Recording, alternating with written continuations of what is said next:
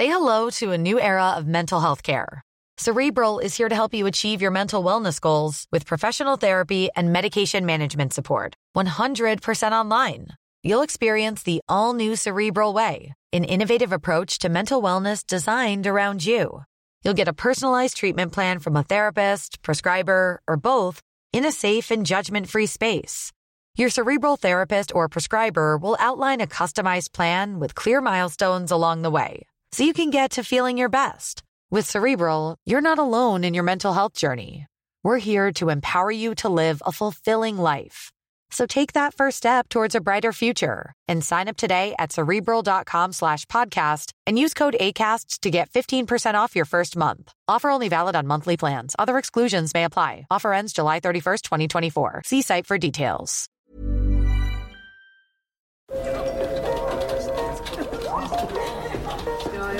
Dette er lyden av norsk næringsliv. Akkurat nå tas det små og store valg som kan bli avgjørende for fremtiden. Med økonomisystemet X-Leger tas disse beslutningene basert på informasjon i sanntid, slik at drømmer og ambisjoner kan bli virkelighet. Få kontroll og oversikt. Gå inn på xledger.no. Denne sendingen er sponset av Xleger.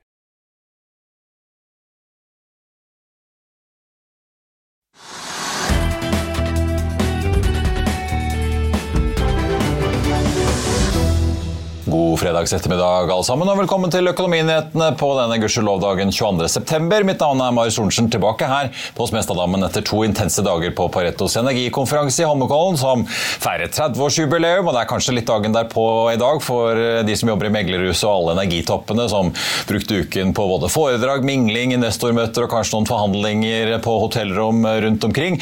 Men vi kjører i hvert fall helt til ukens siste børsdag med full fart, vi. En dag der altså Schibsted spin-off vinter, er dagens børsvinner etter at noen friere har banket på døren. Hightech Vision selger unna aksjer i oljeselskapet Vår Energi for milliarder, mens den andre storeieren Eni lover å bli sittende.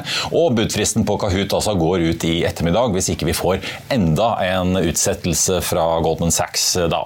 Mer om dagens nyheter og ikke minst situasjonen i norsk økonomi blir det mer om i denne sendingen. For etter rentemøtet i Norges Bank i går så skal vi runde av uken med en gjennomgang av ståa i norsk økonomi, ettersom en del kanskje ble tatt litt på sengen av hva Norges Bank sa i går, da de jekket opp styringsrenten altså som ventet fra 4 til 4,25. Sjeføkonom Kjersti Haugland i DM Markets er gjest om eh, litt. La oss sitte litt først på eh, markedet. Det ser ut til å bli en eh, i hvert fall litt bedre dag i dag på Wall Street enn i går. I hvert fall for i går var det ganske surt da for andre dagen på rad etter rentemøtet i Federal Reserve, der Jerome Powell snakket ned markedet. Der renten ikke ble økt, men der man altså kuttet ut et par forventede rentekutt i prognosene for neste år, så det ga jo Higher for Longer-gjengen litt mer kjøtt på beinet. De tre Wall Street-indeksene endte ned mellom 1,1 og 1,80 i går. Her i Europa i dag så har vi sett stort sett røde tall med unntak av børsen i London og Helsinki. Hovedindeksen her hjemme vaker rundt nullpunktet. Vi har sett litt grønt, men stort sett rødt, så får vi se hvor vi ender. Vi ligger i hvert fall på en 1295 eh, poeng omtrent, og hvis det holder seg inn til mål, så ender vi da uken ned 0,4 fra det som da var en rekordnotering forrige fredag. Nordsjøoljen ligger ned en snau halvprosent til 92,80, men den amerikanske lettoljen den er igjen over 90 dollar fatet, etter at den også bikket under 90 på onsdag. Streiken i Australia på LNG-anleggene til Chevron ser ut til å være løst, men oljeprisen får støtte av den russiske eksportstansen vi har sett nå på diesel, som også preger markedet. Futuresene på Wall Street peker for øvrig, som jeg var innom, litt eh, oppover i dag. Så får vi se om da amerikanerne får seg en liten pust i bakken etter to ganske sure dager. Equinor er ned en halvannen prosent i dag. De og Aker BP har boret tørt ved Osebergfeltet i Nordsjøen i lisens PL 035. Og så er det da Kahoot. da. Budet er jo utsatt eh, to ganger tidligere, eller i hvert fall fristen for det. Den eh, foreløpige fristen er 16.30 i dag, og en forvalter i det med Markets skrev i en rapport i dag at eh, de ser en liten sjanse for at budet fra Goldman Sachs og ledelsen går igjennom. Budet for de som ikke husker det, er altså på 35 kroner aksjen. Kahoot ligger i dag og uh, omtrent rundt 34 blank. Og så er da Vår Energi børsens uh, mest omsatte med god margin i dag. Aksjen er ned rundt 6,5% til 29,90. Det var i går det kom melding om at storaksjonær uh, og Stavanger-baserte PE-fondet Hightech Vision ville selge aksjer. og Senere kom bekreftelsen om at salget var i boks med en rabatt på rundt 10% med stor interesse. Hightech solgte for 29 kroner aksjen til altså Totalt da så ble det snakk om en pott på nesten 4,6 milliarder kroner. Hightech sitter igjen med et eierskap på 14,4 etter salget, og de solgte faktisk litt mer aksjer enn det som først ble signalisert i den første meldingen. Enis eh, finansdirektør Francesco Gattei sier for øvrig at de vil fortsette sitat, som en aktiv og konstruktiv eier i Vår Energi i mange år, og har ingen planer om å selge aksjer i overskuelig fremtid. Også verdt å merke seg at den nye konsernsjefen i Vår Energi, Nick Walker, han kjøper aksjer i eh, forbindelse med nedsalget i Data Vision for 1 million dollar.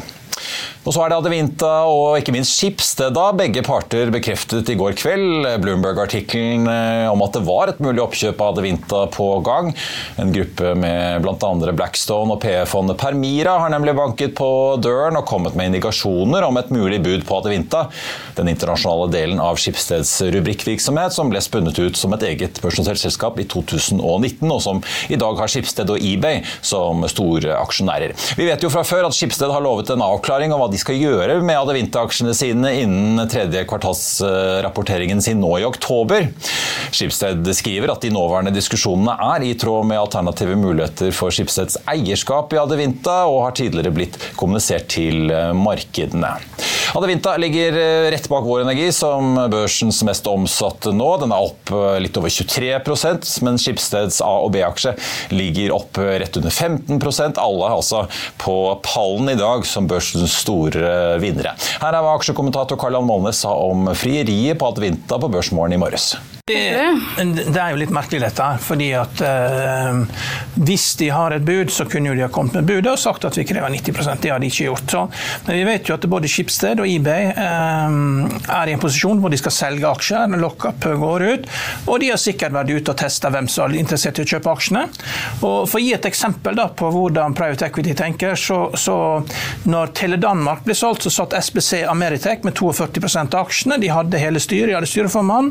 men det var ingen som ville kjøpe aksjene. Da måtte de selge de aksjene med 10% rabatt. Året etter så kommer det fem private equity-selskap og kjøper TDC Tele Danmark til dobbel pris, for da får de 90% og Det er helt avgjørende til slutt for private equity å få 90% for da får du tak i kontantstrømmene. Så eh, Det jeg tipper har skjedd der, er at uh, det er litt det samme som TDC og Ameritech. At, uh, at uh, Skipsted og eBay har funnet litt problemer med å få plassere disse aksjene. Man vet ikke helt hva de vinter er. Og så ser jo private equity-selskapene at dette er interessant, men, men, men, hvis de var veldig interessert, så, så ville de ha fått tre private equity-firmaer til, og så hadde de lagt et skikkelig bud på dette. her. Men her virker det som at det skal bare selges noen av aksjene, for Skipsted og uh, eBay skal jo være med videre. og Ikke vet vi hvor mye de skal være med videre heller, men at uh, Blackstone og Permira siste Sist jeg sjekka, så hadde de 11 fra før. og Det er jo for å blokkere at andre private equity-selskap skal komme og kjøpe Advinta uten at de får være med på det. Da. Så eh, jeg så ja, Adevinta-aksjen opp med 4,4 i går, eh, i sånn, eh, på ryktene om at dette skulle skje. Og, og, før at vi får et skikkelig bud på bordet. Og de må jo komme og fortelle hva dette her er nå, hvis det er sånn at Skipsted og IB bekrefter at de har mottatt et ikke-bindende bud som de aksepterer, så er det merkelig. Og for deler av aksjene sine, da. Det er ikke et uh, Vi må få vite mer, rett og slett. Så um, ja, og det er, det er ikke noe sånn kjempebullish marked, og det sitter jo, det sitter jo sånn event, eh, sånn arbitrasjefond da, og, og, og, gambler på oppkjøp. Men de må først ha et bud. da. Det er ikke noe bud på bordet ennå. Så eh, det er litt sånn, det, litt sånn uh, rar framgangsmåte. Men det, hadde det vært fem private equity-firmaer i, i, syndikatet, så kunne de kommet med bud. Men de har tydeligvis ikke hatt det på plass. da. Ja, nettopp. Eh, og i hvert fall, Ifølge markedet så har jo Advinta i dag en markedsverdi på rett over 100 milliarder kroner. Det er, det er jo en halvering det siste året. Og så er jo eBay bare sånn som det er nevnt, største eier med 33% mens Schibsted eier 29 og Dette her er jo, dette kommer rett før den lockupen ja. Eh, går ut nå i oktober. Ja. Det er kanskje ikke så rart. Ja. Nei, det, og, og, men det, det, er en veldig god business, dette her. Vi har jo sett det tidligere også. Du kan jo se på finn.no. Altså, det er jo en type forretning da, som kan vokse uten noe særlig ekstra kapital. Og de har jo Le Bancois i Frankrike, har sterk markedsposisjon. Og de har også sterk markedsposisjon i Tyskland. Og, eh, det er en veldig gunstig businesseie, men du må ha kontroll på kontantstrømmen, for den kaster ikke så mye av seg. Men det vokser, og du kan styre dette her. Eh, det er en, det er jo en del av den digitale økonomien, dette her, med digitale annonser og på, på bil og hus og sånn. Men, men eh, vi trenger mye mer informasjon før det går an å ta stilling til hva man skal gjøre med Adivinte-aksjen. Vil du bli oppdatert på det viktigste som har skjedd innen finans og næringsliv? Da er det bare å følge med, for hver morgen er jeg, Marius Lorentzen og aksjekommentator Karl Johan Malnes på plass i studio for å ta tempen på dagens marked i Børsmorgen. Og hver ettermiddag oppsummerer vi alt du trenger å vite i økonominyhetene, og det blir selvfølgelig masse interessante gjester. Klikk deg inn på fa.no-tv, eller søk opp Børsmorgen og Økonominyhetene der du hører på podkast.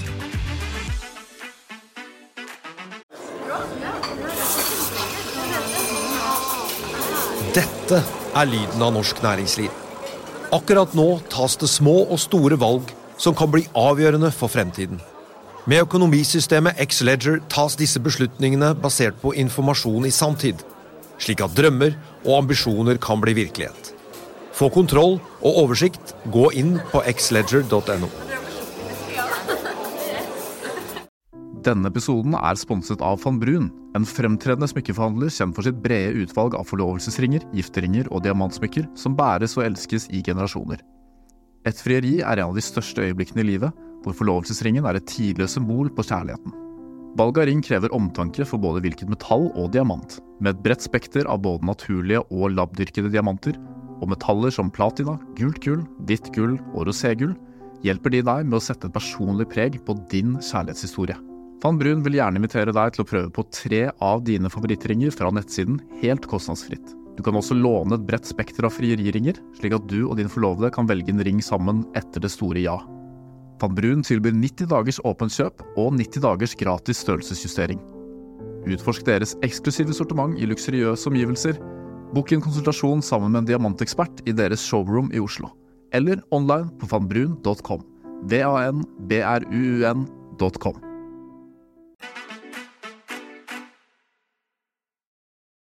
Da skal vi snakke makro, for denne uken satte altså både den britiske og amerikanske sentralbanken seg på gjerdet og lot eh, rentene sine ligge i ro på deres respektive rentemøter, men det gjorde ikke Norges Bank, som økte fra da 4 til 4,25 som ventet. Men tonen Norges Bank la opp til om hva som skal skje fremover, var det kanskje ikke alle som var like Eller var det kanskje ikke alle som hadde ventet. For å grave i det, så har jeg vært så heldig å få besøk av sjeføkonom Kjersti Haugland i DNB Markets. God fredag, velkommen. Tusen takk. Vi, skal, vi, må snakke litt makro før vi tar helg her, eh, Kjersti. Skal vi, skal vi begynne litt med vi må, Før vi snakker om de andre sentralbankene og alt mulig annet av boligpriser, sånn, skal vi ta Norges Bank. Mm økte rentene som ventet. Mm.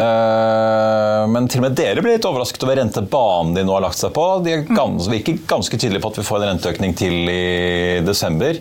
Ja, det var overraskende. Fordi det var jo ikke altså Om Norges Bank kom til å åpne døra for at denne rentehevingen ikke var den siste, det hadde ikke vært så oppsiktsvekkende. Nei. At de hadde latt Gi seg selv den opsjonen eller muligheten. At de hadde den muligheten, den oppsigerisken, at de satt, om de hadde satt døra på gløtt, da, for å si det sånn. for ja en videre renteheving. Men vi trodde at hovedbudskapet, og jeg tror det var mange med oss som trodde at hovedbudskapet ville være at det antageligvis var rentetoppen nådd i går, eh, men at renta kom til å bli liggende høy i en lang periode, eller enda lengre periode enn de tidligere hadde trodd. Men allerede da i tredje setning i pressemeldingen så sto det at hvis alt går sånn som vi tror, så er det sannsynlig, så tror vi at vi kommer til å heve renta ytterligere i desember. Og Det var overraskende, for når de skriver sånt i en pressemelding, så er det en ganske Det er ikke en forpliktelse, ikke en ren commitment selvfølgelig, til å følge opp. For det er jo klart, i setningen forut så sto det at rentesettingen vil avhenge av data som kommer inn. Men hvis det, tror, hvis det går som de forventer, så hever de renta. Det er ganske sterk guiding. Og rentebanen indikerer jo da, åpenbart da, en overvekstsannsynlighet, rundt 75% sannsynlighet for at de hever renta i desember. Og det tok ikke bare oss eh, på senga, men det tok òg markedet på senga. Vi fikk en del bevegelser i går i rentemarkedene. Ja kronen ser ut til å styrke seg litt? Grann, og... Litt. Grann. Ja. Det har vært litt opp og ned. og Kronekursen den er jo prega av veldig masse Det er mye som skjer, for å si det sånn. Eh, så, men, men, kronekursen har klart seg godt i løpet av det siste døgnet, det må jeg si. Eh, har da, euroen har jo eh, styrka seg på brei basis det siste døgnet, også, men ikke mot kronekursen. Så, ikke mot krona. Sånn at ja, krona har nok holdt seg sterkere enn han ellers ville gjort pga. denne haukete beskjeden fra Norges Bank. Men det da, at de nesten forplikter seg til, eller så nærme de kanskje kommer en forpliktelse mm. til å øke på på desembermøtet, det betyr jo implisitt at da må tallene snu ganske mye da, før de avviker fra den kursen. Ja, Hva er det altså. de og Det at de da på en måte garanterer nesten en økning til hvis ikke noe veldig annet uh, markant skjer, da må de jo se konturene av noe som de tenker at krever enda mer hostesaft, for å si det litt enkelt. da. Ja. Hva er det som gjør at de føler at de må stramme enda mer til og ikke bare kan holde seg på den innstrammingen de har? som De, de erkjenner jo at rentenivået nå er innstrammende. Mm. Det de eh, legger vekt på, eh, er at eh, norsk økonomi syns de har utvikla seg sterkere enn det de hadde sett for seg, gitt denne renteøkningen som faktisk har funnet sted, eh, reallønnsnedgangen som vi har eh, pågående, så holder altså norsk økonomi seg mye bedre oppe. De peker særlig på sysselsettingen. Den har vokst egentlig veldig markant i første halvår i år, som jo er gode nyheter for arbeidsmarkedet, men det vitner jo nettopp om en høyere temperatur da, i norsk økonomi enn det Norges Bank eh, hadde sett for seg. Så de har oppjustert sitt syn på hvordan nå-situasjonen i norsk økonomi er, altså hvordan temperaturen er. Og så, ikke minst, de har jekka opp inflasjon og lønnsvekstanslagene sine betraktelig for neste år. Faktisk så ser de nå for seg at totalinflasjonen, altså den som inkluderer energipriser, skal stige, ikke skal stige fra i fjor, eh, nei, eller fra i, år til neste år, men at den skal holde seg vesentlig høyere enn det de trodde ved eh, forrige korsvei. Faktisk etablere seg på litt i underkant av 5 i 2024. Og det er en oppjustering på nesten et helt prosentpoeng fra rapporten. For nå ligger vi på 4,8. Altså i den ja. siste KPI-rapporten fra SSB? Ja. ja. Så nå er det fortsatt høy prisvekst, eh, og, og det har gjort at de òg har oppjustert eh, lønnsvekstanslaget sitt betraktelig. Og der har jo det, denne undersøkelsen fra Norges Bank, altså Norges Bank gjør en kvartalsvis undersøkelse, blant annet da, blant partene i arbeidslivet spør de om hva slags lønnsvekstforventninger de har til neste år, bl.a.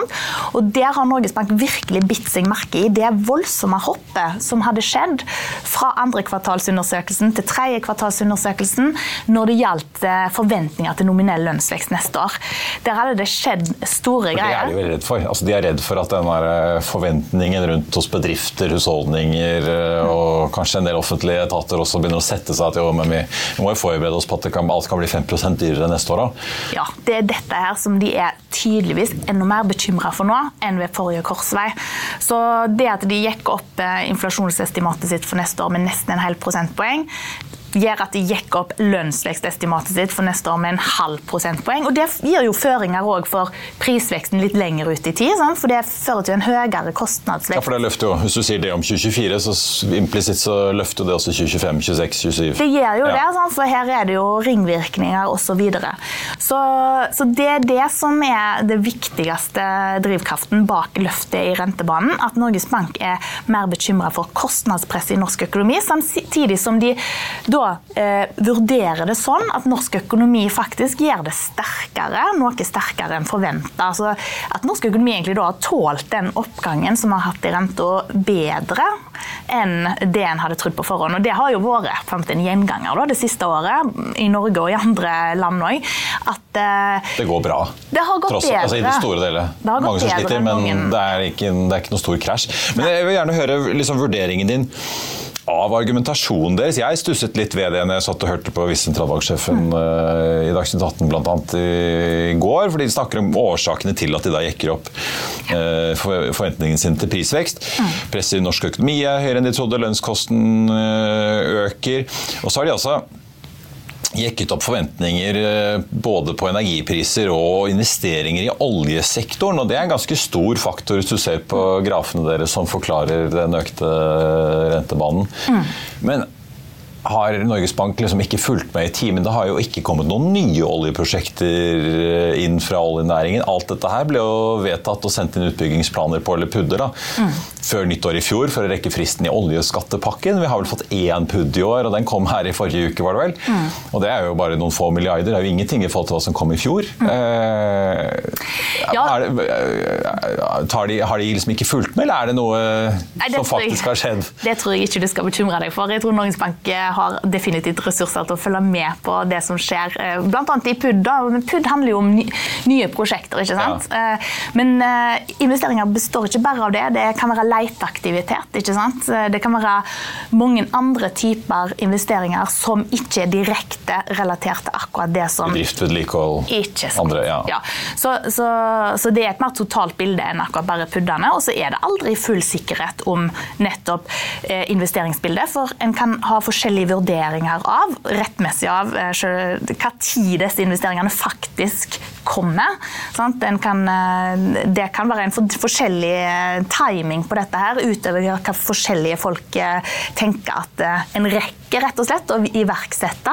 Hvordan det blir porsjonert ut over de forskjellige årene. Så det, det, er ikke sånn at det foreligger en fasit på hvordan oljeinvesteringer, olje- og energiinvesteringer da, vil utvikle seg framover. Så vi er ikke overraska over at nettopp de eh, bidragsyterne. For Norges har jo sitt eget diagram der de viser bidragsyterne til oppjusteringen av rentebanen.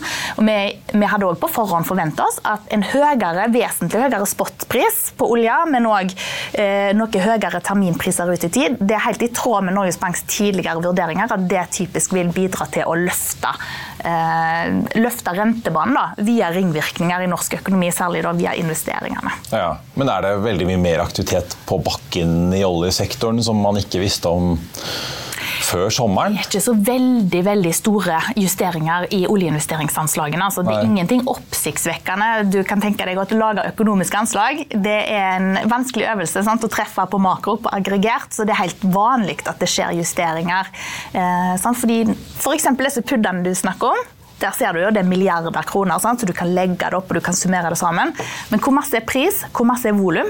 Ja, for det er jo en litt sånn interessant Det er jo en eh, vurderingsøvelse. ikke sant? Så... En annen ting jeg merket meg er jo SSB var jo ute og påpekte at uh, nå virker det som bedriftene uh, klarer å skru opp marginene sine mer. Mm. Og da ikke lenger bare et offer for inflasjon, men begynner å være medskyldig, ja. hvis jeg er litt spissformulert. Mm. Men nå kommer jo Norges Bank og sier egentlig det samme. at uh, fra nå, hvis man tar perioden fra 2021 og frem til årsskiftet 2022-2023 så lå egentlig bedriftene liksom etter etter ja. og fikk press på marginene sine. Men mm. nå har de begynt å hente det inn igjen. Så nå virker det som både SSB og Norges Bank egentlig peker på at bedriftene har skyld i at vi fortsatt har så høy prisvekst at de i hvert fall bidrar inn. De bidrar inn, ja. ja.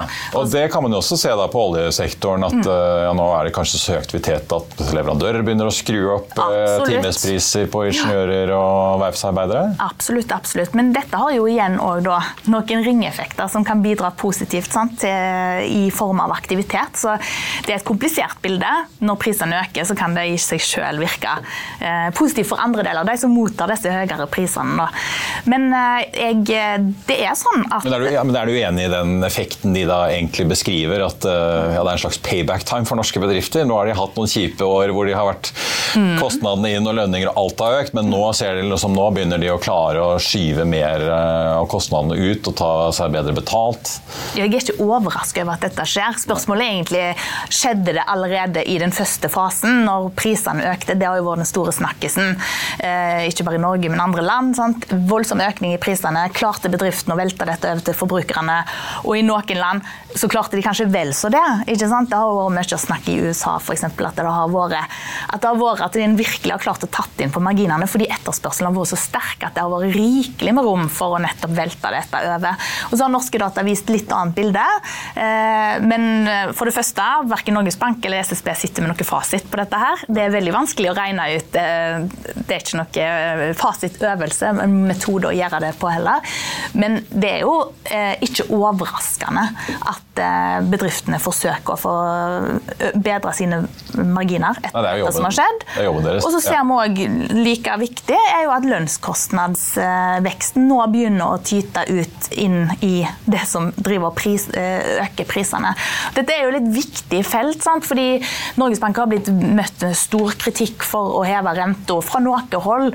Eh, møtt med kritikken om at ja, men dette er jo internasjonale prissjokk. Eh, Norges Bank kan ikke gjøre noe med disse, med disse kreftene her. LO-sjeføkonom har jo vært fanebæreren for den kritikken om at han har, eh, i... han har ikke bedt dem holde seg langt unna dette ordner de og NHO i lønnsoppgjørene, mener han. Ja, ja, ja, ja altså, De skal holde kontroll på prisveksten ved å holde ja. lønnsveksten nede? Ikke sant. Så det, det, er liksom en fløy som har argumentert på den måten. Men nå viser jo tallet at ja, selvfølgelig første delen var veldig preget av internasjonale prissjokk, men det var jo akkurat det Norges Bank da eh, Jeg liker å sammenligne det med at Norges Bank da driver brannvern. Det er en inflasjonsbrann som kanskje kommer utenfra, men her må en kjøle ned da, med pumper. Kaldt vann på omgivelsene, så ikke dette her sprer seg eh, og, og, blir til et mer varig og, og stort og destruktivt problem. Da. Eh, der selvforsterkende mekanismer i økonomien gjør at prisveksten blir hengende ved da, og blir, biter seg fast på et høyt nivå. Eh, og Det er derfor Norges Bank nå ønsker sant, å dempe etterspørselen, bl.a. til forbrukerne. Da. Det er jo viktig for at ikke bedriftene skal klare det, å heve eh, marginene sine framover. At det ikke det er så mange kunder der ute med velfylte lommebøker? Nei, da må de jo krige om kundene da, i større grad. og Da går jo det på bekostning av marginer. Sånn kan de påvirke prisveksten. Og òg selvfølgelig gjennom arbeidsmarkedet og hindre at lønnsveksten blir altfor høy altfor lenge. Eh, Fordi eh, det er jo ikke sånn at Norges Bank nå spår noe kollaps i arbeidsmarkedet, og at arbeidsledigheten skal stige til himmels, og at den kostnaden er de villige til å ta for å få prisveksten ned. Det er jo langt ifra det bildet de tegner. De tegner en veldig forsiktig oppgang i arbeidsledigheten. Eh, på tross av da en renteheving til og vedvarende høy rente, faktisk ikke kutt før i mars 2025. Så det vitner jo ikke om en reaksjonsfunksjon i Norges Bank, der de er villige til å ofre hele norsk økonomi og, og, og liksom arbeidsmarkedet, at alt skal gå fryktelig ille for at en nå skal komme tilbake til eh, en normal prisvekst. De prøver kanskje å hinte til Roger Bjørnstad om at eh, de ser han? Jeg ja. tror nok det, ja. Men eh, bare før vi snakker litt om, om norsk økonomi ellers. Eh, det at Bank of England og Fed nå setter seg på gjøre Norges Bank ikke gjør det, er det litt tilfeldig i timingen, eller er det nå en forskjell mellom hva som utspiller seg i Norge versus England og USA? Nei, jeg, jeg, tror det er ganske tilfeldig. og Det må tolkes i retning av at ja, Norges Bank kom tidligere i gang enn andre sentralbanker, men de gikk jo ikke like dramatisk raskt fram eh, i rentehevingsprosessen. I tempoet, ja, sånn, så, så, nivåene i rentenivået i Norge, 24,5 nå i, i, fra, fra og med i går, men, går, ja, ja. men 1% høyere, 1 prosentpoeng høyere i, eh, i, USA, og det er jo òg mye høyere i Storbritannia. Så det er jo, det er jo, de har tatt en mye større tilstramming i utgangspunktet. Det er jo normalt at de da avventer mer. Men eh, det er jo òg sånn i Det er jo ikke overbevisende heller, verken i USA eller Storbritannia, at eh, prispresset er tilstrekkelig under kontroll. Begge sentralbanker holder jo døra på gløtt for videre hevinger. Vi tror jo at det kommer en til i Bank of England. Din kollega Aksel Magnussen har skrevet at han tror, eller dere tror at toppen er nådd i, I USA. USA ja. Ja, ja. ja, Og det holder jo selvfølgelig med Ja, det, antar du enig med han i det. Ja. felles syn på det, men, men uh, risken her ligger jo ikke, sånn som jeg ser det, på en snarlig rentekutt, uh, men på, på, heller på en heving i det korte bildet. Da. Og ikke minst på at nå tror vi at Fed snur sommeren neste år. At økonomien demper seg såpass at det vil være naturlig for Fed å begynne en forsiktig eh, nedgang i rentenivået fra sommeren neste år. Men vi mener jo at det ligger, sånn som ting ser ut nå, en oppserisk på rentebildet i USA. Det er det som fortsetter å, å, å prege rentebildet. At, at vi kan komme til å se en høyere topp, eh, og i fall kanskje en lengre rentetopp da, enn prognosene våre eh, tilsier. Og Det legger jo føringer også for Norges Bank. Higher for longer, det er som vi sier det. Eh, til slutt bare, hva er følelsen din på liksom, norske husholdninger nå? Mm. Veldig mange følger med på eh, boligprisene. Man får veldig mange anekdotiske signaler inn fra eiendomsmeglere og andre, men det virker jo som det bremser i boligmarkedet. Bilsalget er jo fortsatt eh, på bånn, virker det som. Lite tegn til noe bedring der. Det kjøres også masse kampanjer. Hvis du ser på andre i varehandelen, så er det heller ikke noe lystegn, virker det som. Eh, hvor mye svir dette nå da for norske husholdninger? Ja, jeg tror at denne høsten, eh, særlig denne høsten og begynnelsen av neste år, kommer til å være preget av en viss nedgang i forbruket. Altså at, den, at eh, den normale nordmannen, median-nordmannen, eh, kutter i forbruket sitt. Ikke dramatisk, men vi tror forbruket kommer til å falle. falle. At det ligger mer innstramming foran oss? Mer innstramming. Ja. For til nå har vi mer sett en utflating. Og nå snakker jeg om forbruket samlet sett. Nå snakket du veldig om varehandelen. Der har det jo vært en klar nedgang. Etter festtilstander under pandemien så har det jo vært en skikkelig bakrus.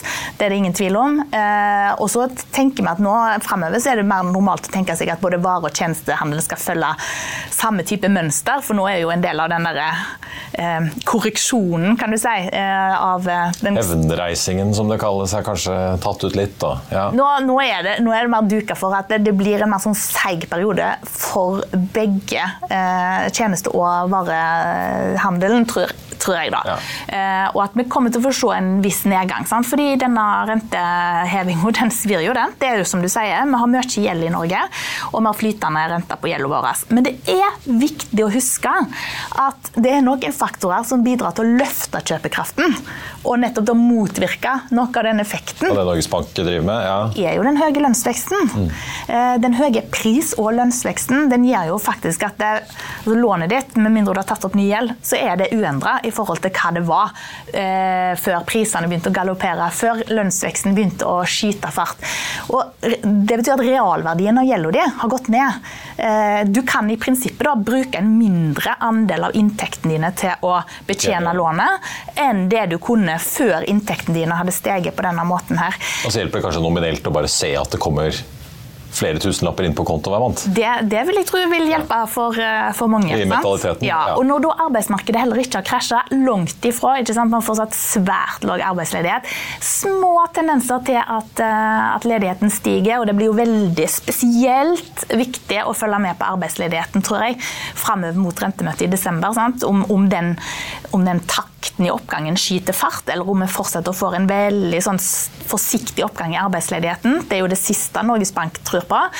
Eh, men det er fortsatt veldig godt arbeidsmarked. Det er mange som har jobb. En uvanlig stor andel av befolkningen har jobb.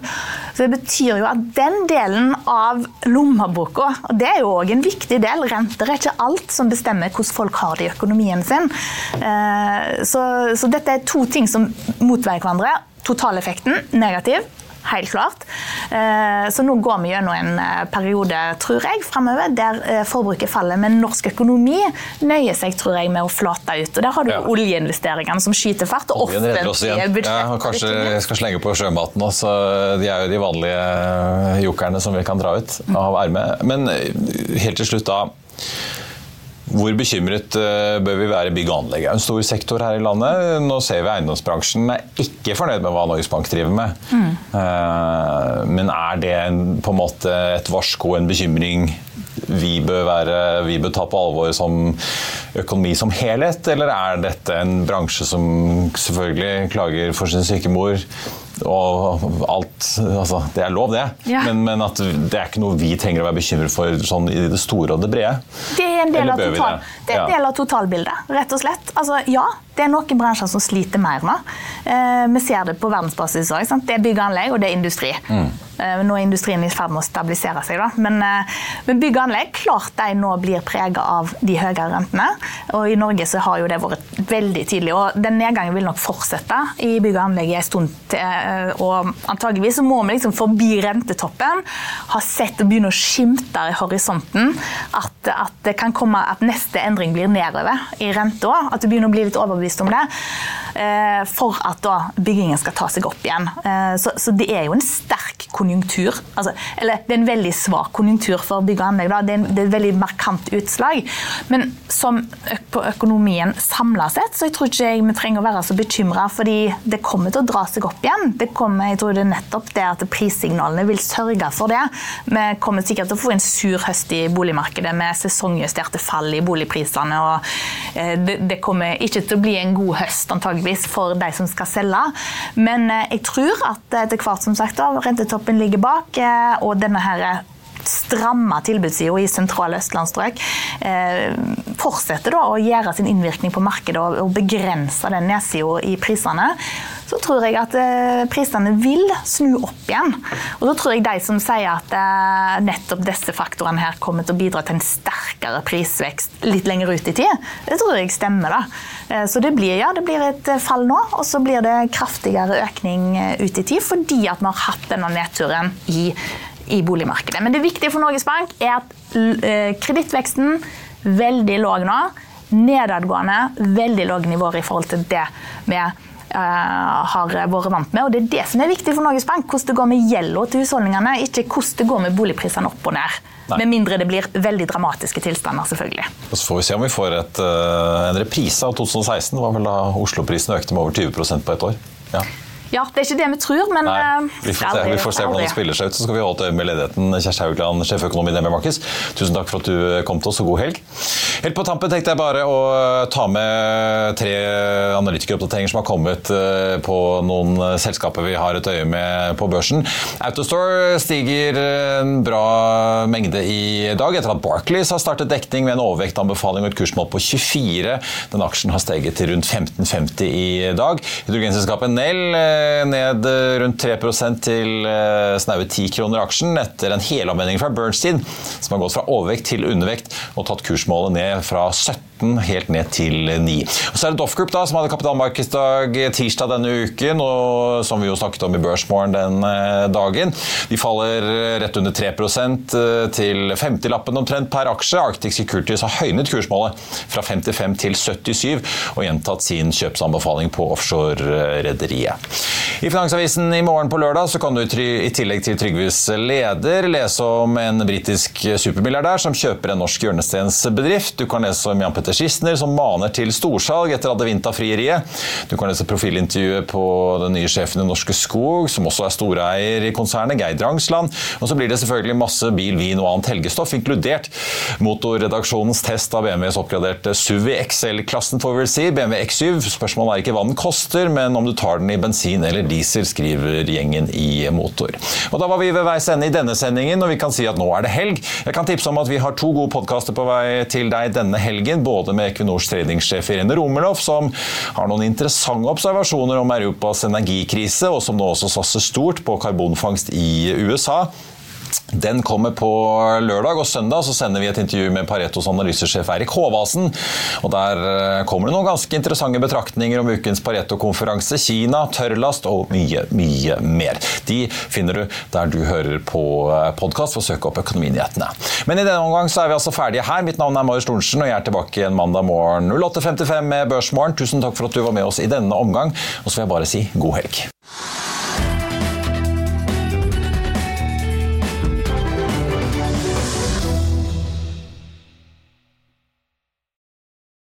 Denne sendingen er sponset av Xleger. Spring, is that you? Warmer temps mean new Allbirds styles. Meet the Superlight Collection, the lightest ever shoes from Allbirds, now in fresh colors. These must have travel shoes have a lighter than air feel and barely their fit that made them the most packable shoes ever. That means more comfort and less baggage. Try the Superlight Tree Runner with a cushy foam midsole and breathable eucalyptus fiber upper. Plus, they're comfy right out of the box. So, what can you do in a super light shoe? What can't you do is the better question. And because they're super packable, the real question is, where are you taking them? Experience how Allbirds redefines comfort. Visit allbirds.com and use code SUPER24 for a free pair of socks with a purchase of $48 or more. That's A-L-L-B-I-R-D-S dot com, code SUPER24. Get ahead of postage rate increases this year with Stamps.com. It's like your own personal post office. Sign up with promo code PROGRAM for a four week trial plus free postage and a free digital scale. No long term commitments or contracts. That's Stamps.com code PROGRAM. Økonominyhetene er en podkast og videoproduksjon fra Finansavisen. Programleder er Marius Lorentzen. Aksjekommentator er Karl Johan Molnes. Produsent er Bashar Johar. Podkast- og videoansvarlig er Marius Mørk Larsen. Og ansvarlig redaktør er Trygve Hegnar.